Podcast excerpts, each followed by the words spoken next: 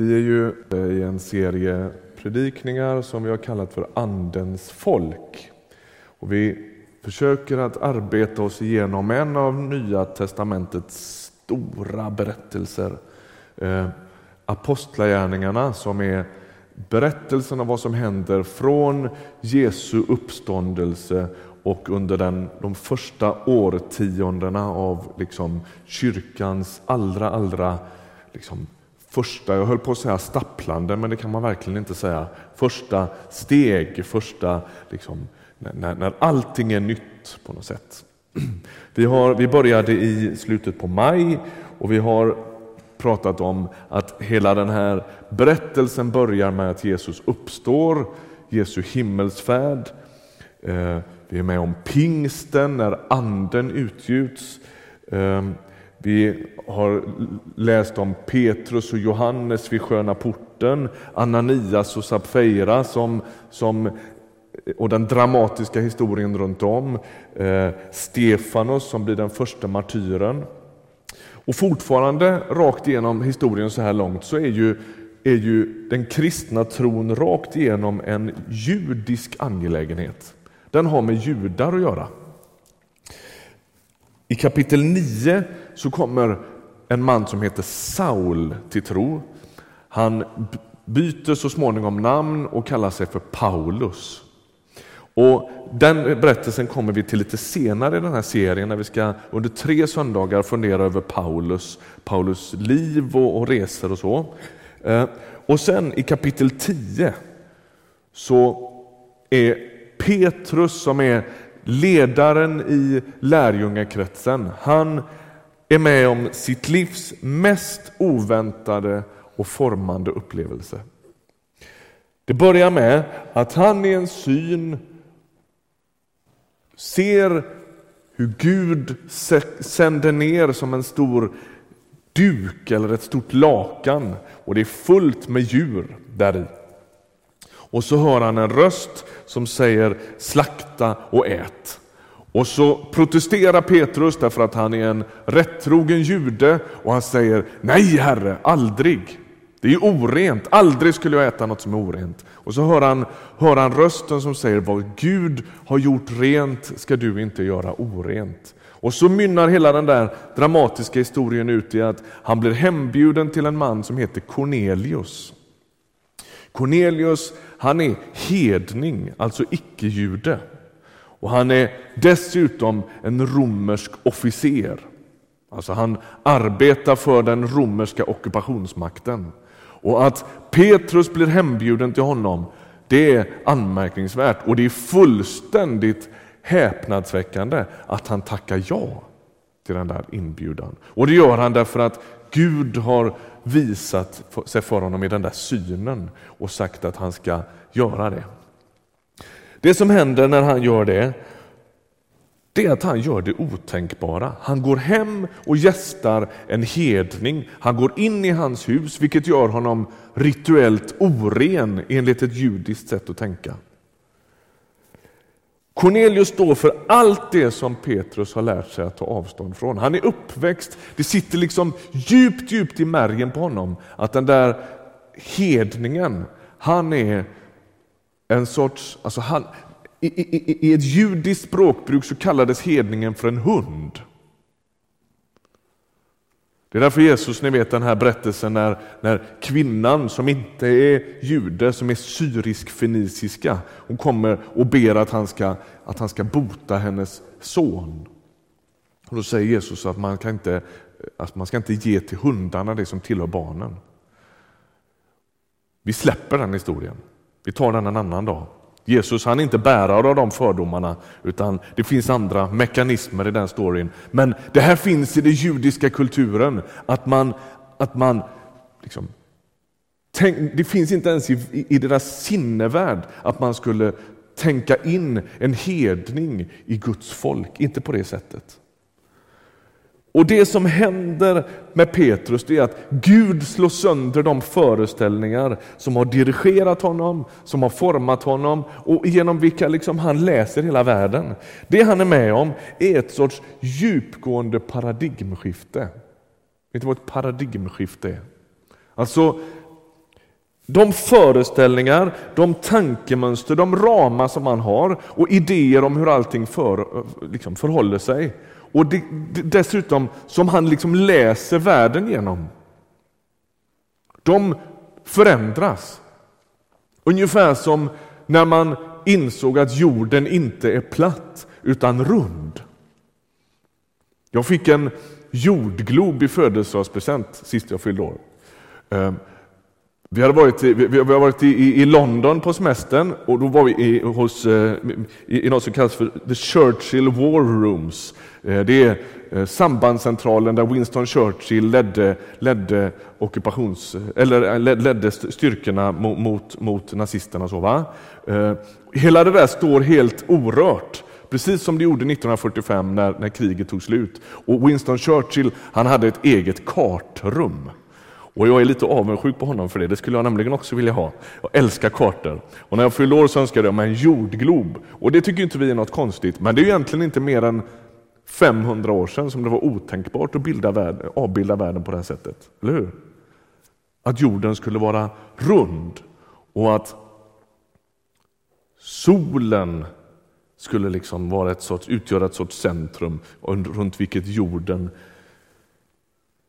snurrar. Det är ju en, var ju en ny tanke. Ett, ett djupgående paradigmskifte. Alltså man börjar tolka världen, sig själv, tillvaron på ett nytt sätt. Det är vad som händer när Petrus går hem till Cornelius. Det liksom vänder upp och ner på hela hans sätt att läsa tillvaron.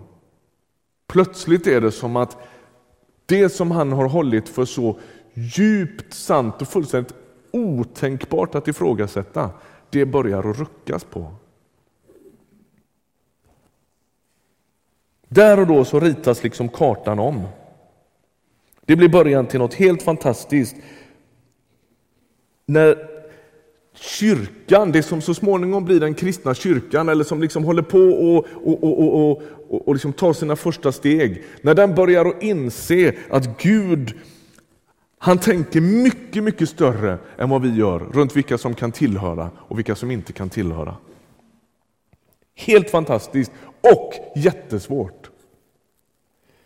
Vad var det som var det svåra? Jo, de kristna under den här tiden, de är ju alla judar. Och det man kallar för vägen, som så småningom kommer att kallas för kristendom, men som i början kallas för vägen, det är ju en helt judisk företeelse. Det satt djupt att judarna var Guds folk och att de andra folken inte var det. Och så fort Petrus kommer tillbaka till Jerusalem, när han har varit hos Cornelius, så blir det debatt och det blir diskussion. Kan det här verkligen vara rätt? Är det här okej? Okay? Och Vi läser det från Apostlagärningarnas elfte kapitel, några versar. Apostlarna och bröderna i Judeen fick höra att också hedningarna hade tagit emot Guds ord. När Petrus kom upp till Jerusalem ställde de omskurna honom till svars för att han hade besökt oomskurna och ätit med dem.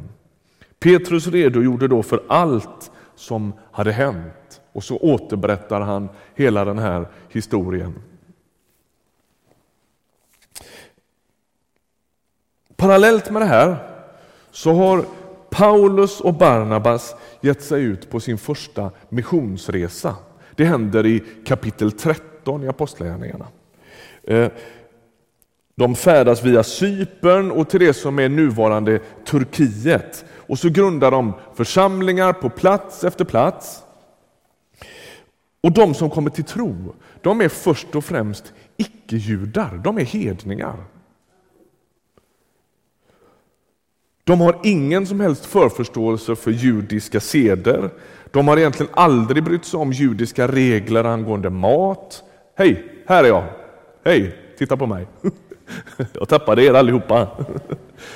De här hedningarna som kommer till tro i, södra Turkiet, de har aldrig brytt sig om judiska seder. De har aldrig jobbat efter judiska matregler. De har aldrig firat sabbat på ett judiskt sätt och så vidare. Och så vidare. Och så kommer de till tro på Jesus. Och så upplever de hur, hur Gud liksom ställer sig i deras väg och stormar in i deras liv.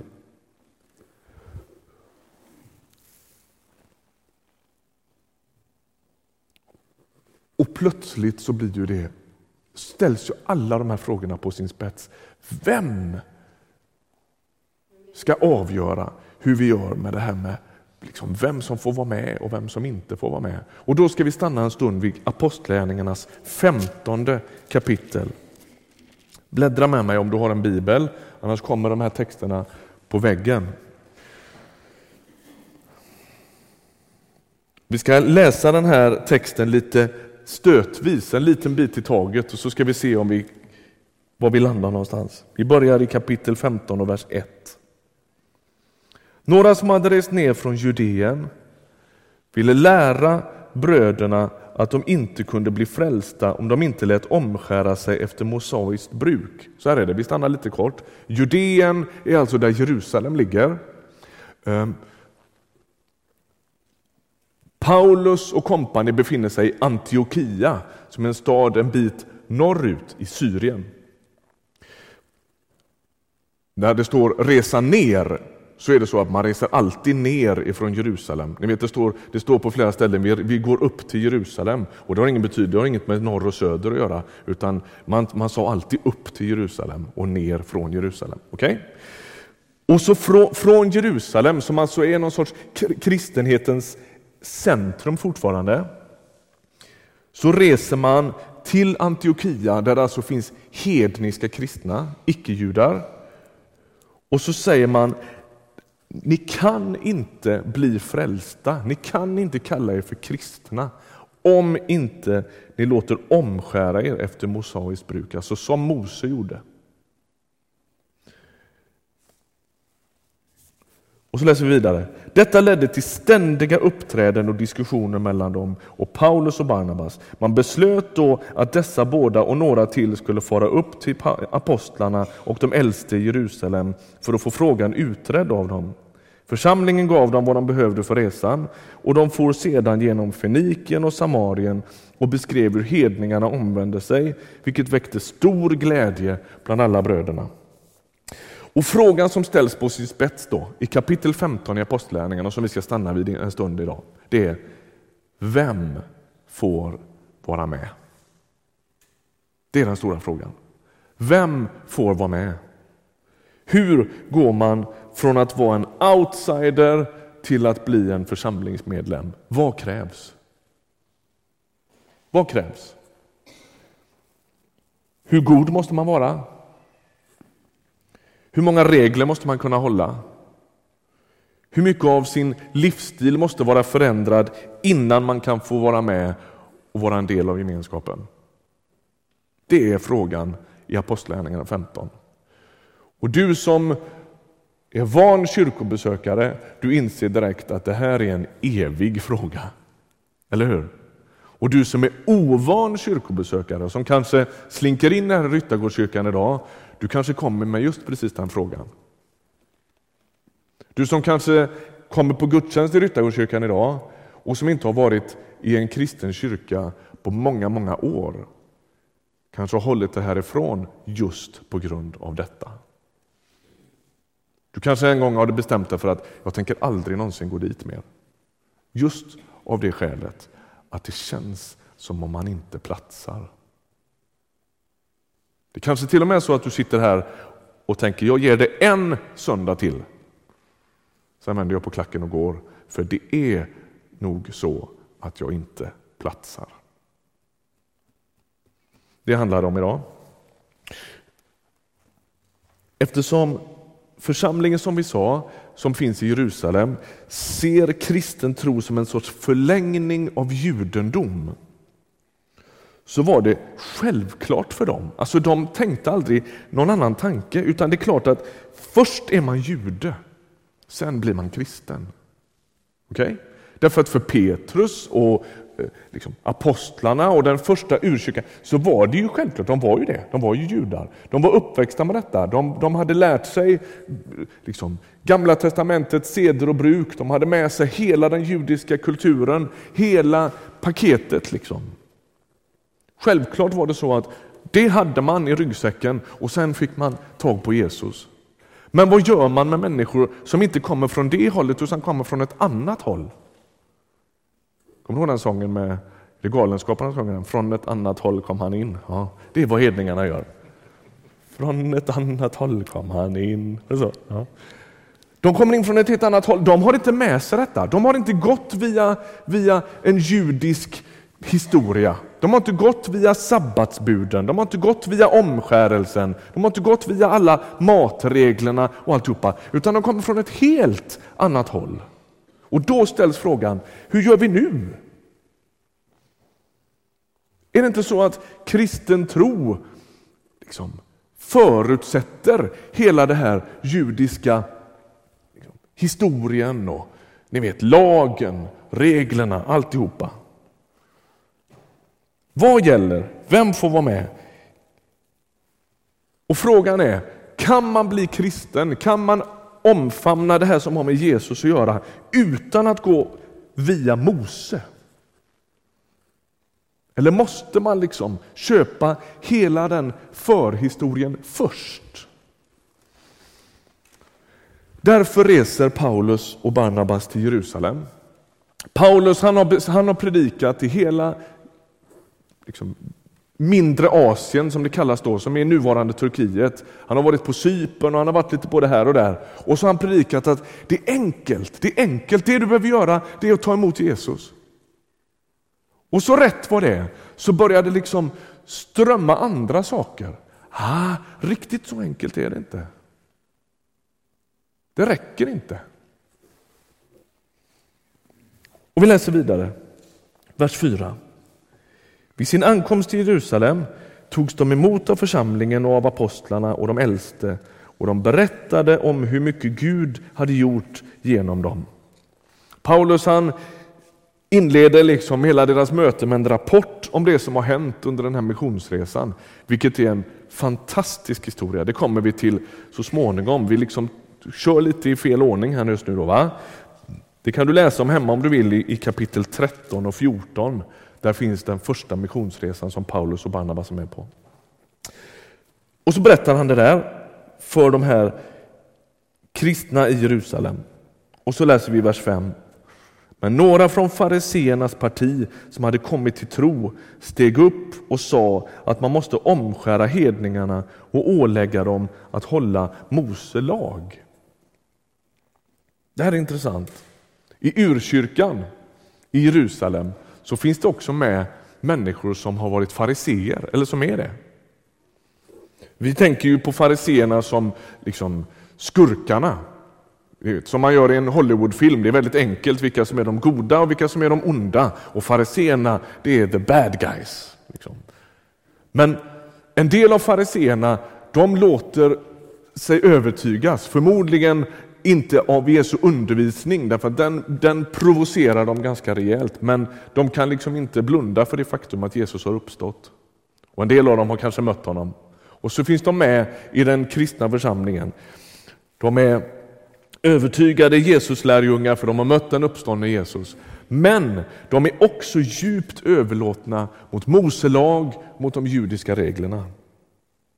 Och när vi pratar lag så menar vi inte bara tio Guds bud, utan he, he, liksom ett sorts samlingsbegrepp på allt det som man förväntades hålla. Det handlar om en drygt 600 regler som handlar om sabbaten, som handlar om mat, som handlar om, om eh, eh, högtider och alla möjliga saker som man ska iaktta. Det handlar om tio Guds bud och det handlar om att låta omskära småpojkar. Och när nu de här hedningarna kommer till tro, då kommer fariseerna som finns i den kristna kyrkan och säger nu måste de hålla detta, annars kan de inte ha med Jesus att göra.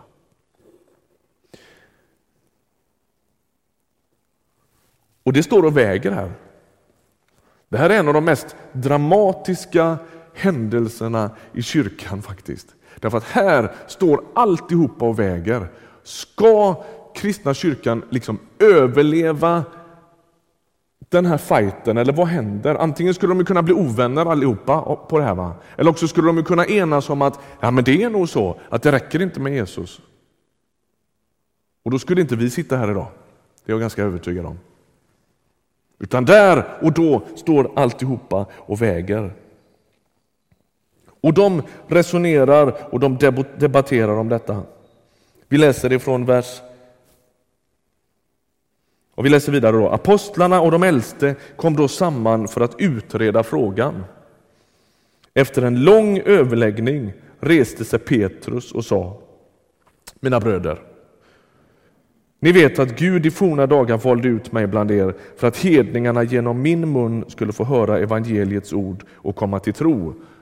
Berättar han den här, liksom återrefererar han till den här historien om Cornelius igen. Gud som känner allas hjärtan har vittnat för dem genom att skänka den helige Ande åt dem lika väl som åt oss. Han har inte gjort någon skillnad mellan oss och dem utan har renat deras hjärtan genom tron. Det har inte varit någon skillnad, säger Petrus, utan Kommer ni ihåg hur det var med Cornelius? När jag gick dit hem till honom, fast jag liksom tänkte att kan man det eller får man det eller hur bör man? Och jag gick ändå dit för jag upplevde Gud ledde mig dit. Och så kom Guds ande och liksom på ett övernaturligt sätt bekräftade att de här människorna har med mig att göra. Och jag vill ha med dem att göra. Och vi slog ju fast då att okej, okay, det är som att kartan ritas om. Det är som att världen egentligen inte är riktigt så platt som vi trodde, utan det ser lite annorlunda ut. Kommer ni ihåg? sa han till dem. Ja, vi kommer ihåg det där med Cornelius. Och hur var det då? Var det inte så att han renade deras hjärtan genom tron? Var det inte så? säger Petrus. Jo, så var det.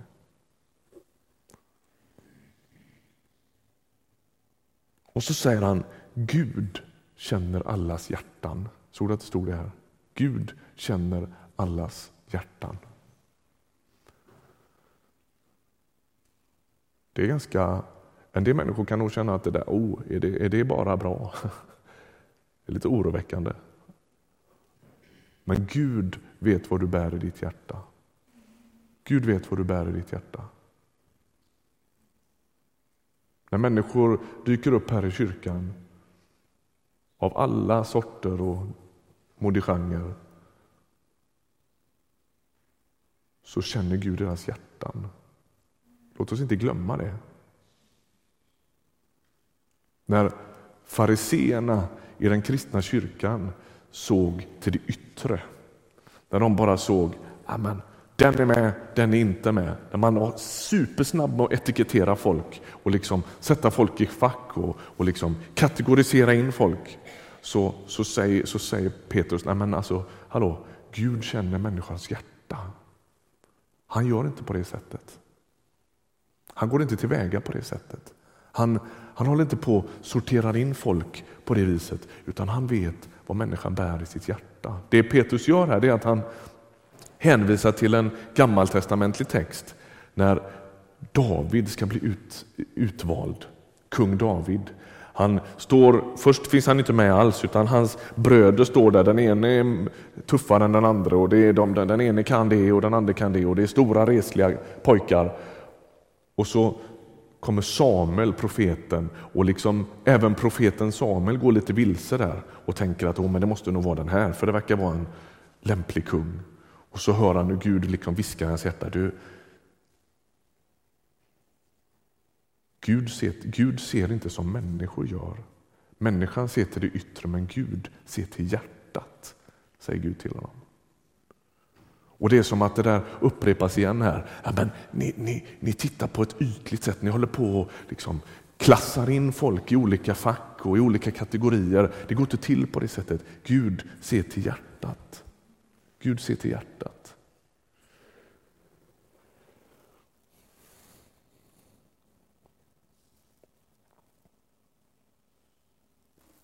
Och så läser vi vidare. Är ni med mig? Och så säger Petrus så här. Varför vill ni då utmana Gud och lägga ett sådant ok på lärjungarnas axlar som varken våra fäder eller vi själva har orkat bära? Det här är en nyckelinsikt i den här texten. Vad är det han säger här egentligen? Han säger, men hallå, tänk efter nu lite. Ner med alla garderna nu. Tänk efter lite här nu. Nu pratar vi om de där, där borta, som borde ditt och som borde datt och som skulle göra si och som skulle göra så. Men hur är det egentligen? Är det inte så här att det vi be, begär av dem, det klarar ju inte vi själva? Eller hur? Och så, liksom, men du som sitter längst bak där, vad han nu kan heta, Isak som sitter längst bak där. Titta på mig, hur är det nu egentligen? Håller du alla buden? Nej, kanske inte alla riktigt. Jag vet inte. Det lite bland. nej, kanske inte. Nej, du gör inte det, eller hur? Nej, jag gör inte det. Varför ska vi kräva det av andra som vi inte kan hålla själva? Och här i finns en insikt. Vi har pratat i vår församling här om att vi vill vara en öppen och generös gemenskap. Hur är man det? Och Det är man först och främst genom att titta sig själv i spegeln. Och att liksom ha en sorts närkontakt med det faktum att ja, men jag kan inte heller hålla buden. Ibland när jag hör människor skruva upp tonläget och säga att vi liksom borde bli lite tuffare i frågor och vi borde så, här, så tänker jag, jag undrar om jag kommer att få vara med nu.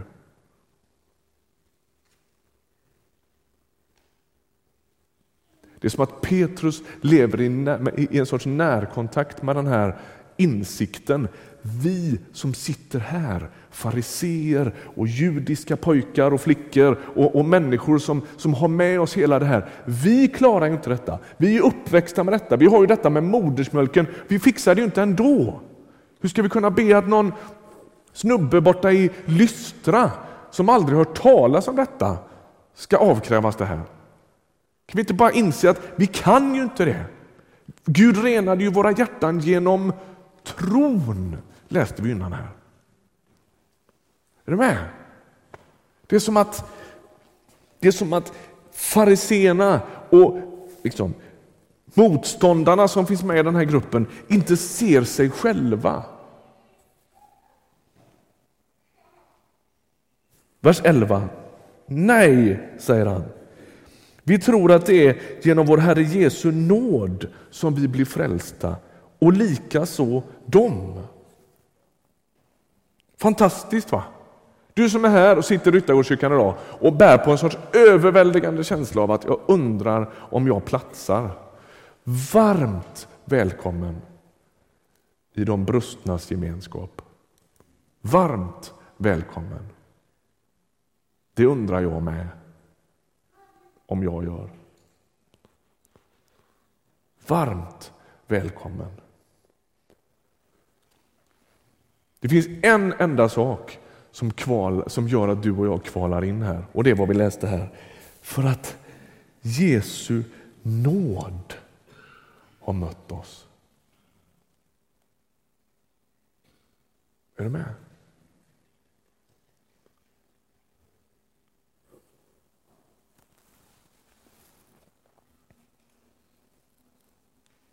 Det är inte bara så att vi som sitter här inne var i behov av Jesu nåd den dagen vi kom till tro.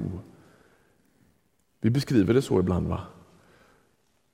Utan det vore fullständigt kört utan Guds nåd.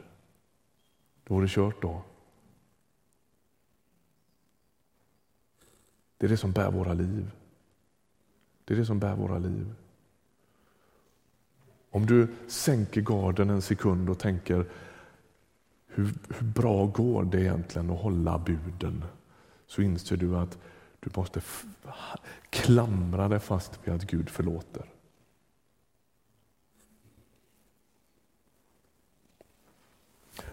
Vers 12. Då teg alla, står det. Och jag tänker osökt på berättelsen om när Jesus möter äktenskapsbryterskan.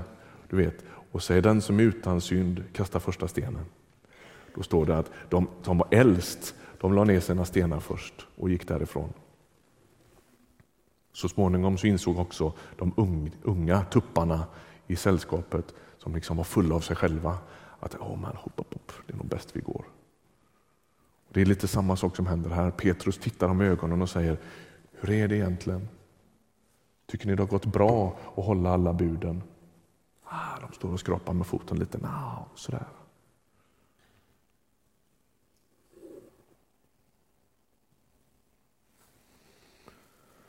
Och så lyssnar man på Barnabas och Paulus som berättar om de många tecken och under som Gud hade gjort bland hedningarna genom dem. Och så står det så här. När de hade slutat tog Jakob till orda. Jakob han är Jesu biologiske bror, eller halvbror om man ska vara noga. De har inte riktigt samma pappa, men de har samma mamma. Och Jakob han eh, tar till orda, han finns i församlingens ledarskap och är församlingspastor där. Eh, och så drar han ihop den här diskussionen på ett fantastiskt sätt. Jag är snart färdig nu.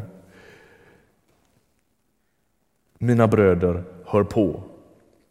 Och så hoppar vi lite ner till vers 19 och han citerar Gamla testamentet och så säger han så här. Därför anser jag, säger Jakob, att vi inte ska göra det svårt för de hedningar som omvänder sig till Gud. Om du ska memorera en vers ifrån dagens text och dagens predikan så skulle jag önska att du tog den.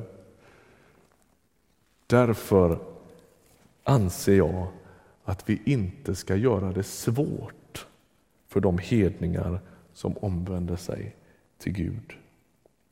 En sorts ledstjärna för allt församlingsliv. Krångla inte till det. Krångla inte till det. Låt det räcka med Jesus. Låt det räcka med Jesus. Men vet du vad? Det, hittills så kan, liksom, är det här inga problem, för vi pratar om fariseer för 2000 år sedan. Men grejen är ju den att vi tenderar att göra precis likadant som fariseerna. Vi bygger på lite här och lite där. Och, ah, men det låter lite för enkelt. Är det inte så att vi också måste avkräva människor... Och så bygger det på, och innan vi vet ordet av så är det 613 lagar att relatera till. Eller hur? I, det, I både stort och smått principer och policydokument och, och eh, liksom. liksom. Men vadå, det är väl, så enkelt kan det väl inte vara? Vi måste ju se till att människor liksom sköter sig och skärper sig. Och...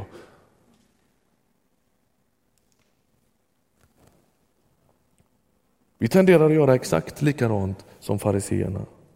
Det är riktlinjer, det är hållningar, det är principer, det är policies. Och det är så oerhört lätt att hamna där. Varenda kyrka i hela världen står liksom på något sätt och balanserar på den randen och måste hålla emot. Låt oss vara varsamma med policies. Låt oss vara varsamma med allt för mycket principer. Låt oss vara varsamma med allt för mycket liksom, eh. Förstår du? Därför att Därför att vi allihopa har en liten farisé boende i våra hjärtan. Det är så. Det är så. Som hela tiden tenderar att döma andra med lag och oss själva med nåd.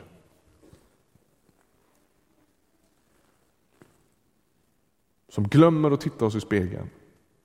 Som glömmer att om det inte vore för att Jesus rusade mig till mötes, ställde sig i min väg och omfamnade mig mitt i all min smuts, mitt i allt det som jag själv liksom skämdes för, så hade det varit ute med mig. Är du med?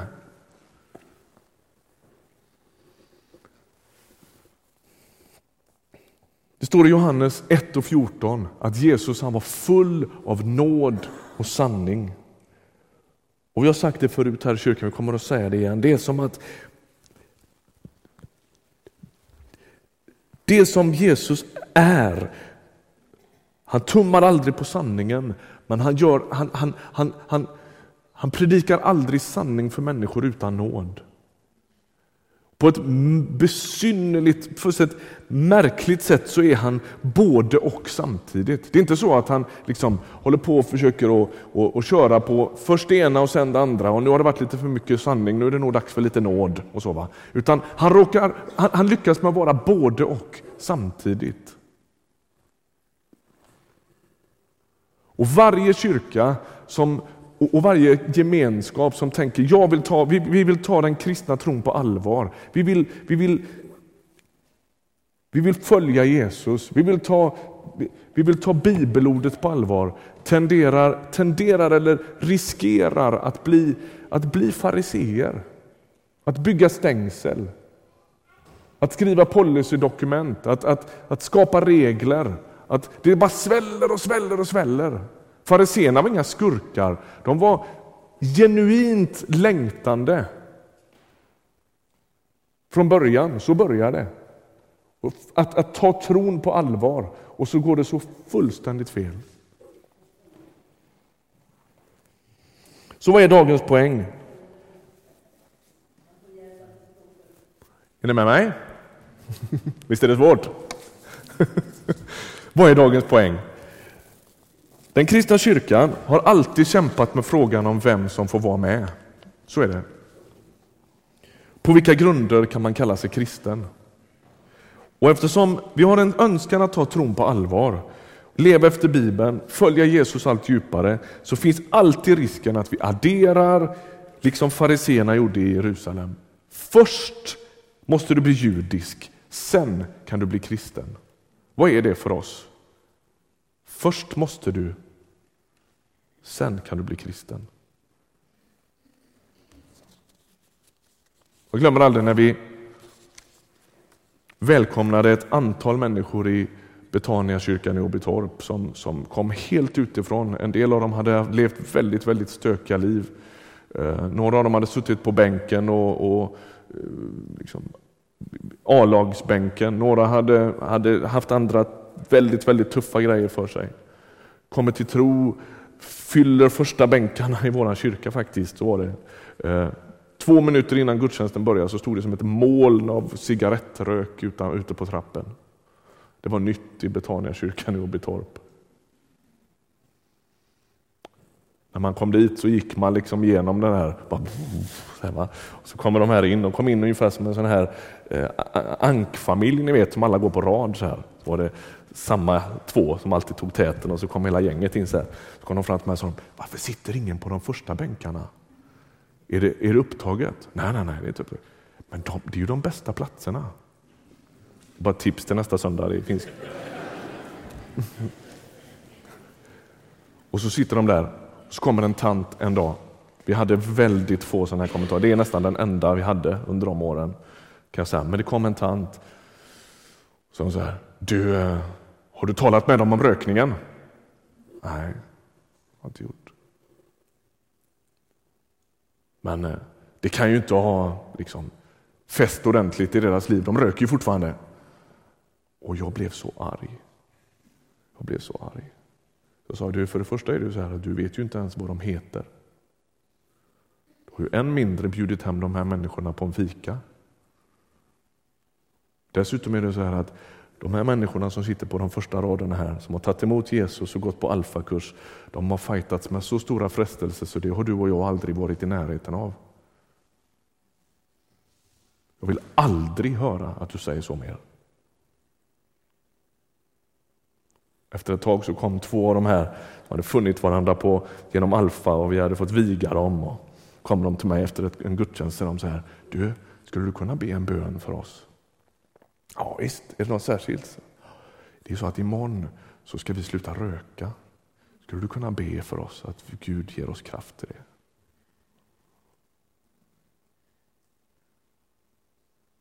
Vad hade hänt om vi hade sagt till dem Först slutar man röka, sen kan man kalla sig kristen. Vad hade hänt då?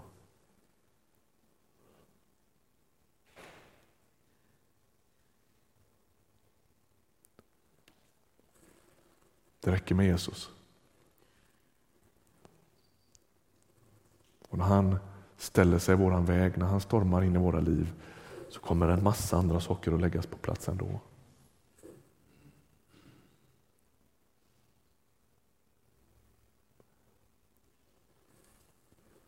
Vi ska inte göra det svårt för människor. Vi ska göra det lätt för människor. Det är dagens budskap. Ska vi be en bön? för oss som gemenskap att vi får andas detta. Vi ber. Herre, vi tackar dig för att du är hela världens Herre. Vi ber att vi inte ska göra som, eh, som man har gjort så många gånger, att man har begränsat och sagt att här går gränsen för din, vad du kan göra eller dina, ditt verksamhetsfält. Herre, vi ber att du ska göra med oss som du gjorde med Petrus. Herre, bryt sönder våra uppstakade råmärken gång efter annan. Gör det. Nå nya människor, hjälp oss att, att få vara del av det. Utmana våra fördomar. Utmana våra religiösa föreställningar. Bråka med farisismen som lever i våra hjärtan. Och Herre, låt oss få gå i takt med dig. Vi ber om det. Herre, när du befriar människor, när du möter människor, när du förlåter människor. Vi ber att vår församlingsgemenskap ska vara ett, att det ska dofta Jesus här. Vi ber om det. Den Jesus som är full av nåd och sanning. Den Jesus som öser av sitt goda över människor som inte är pålitliga, som inte har förändrats, som inte har skärpt sig, som inte har matchat alla kraven. Herre, låt oss vara en gemenskap som är mättad av din nåd, som är mättad av din barmhärtighet. Herre, vi ber att du ska stå i centrum. Vi ber att du ska få vara den man stöter på när man rör sig i vår gemenskap.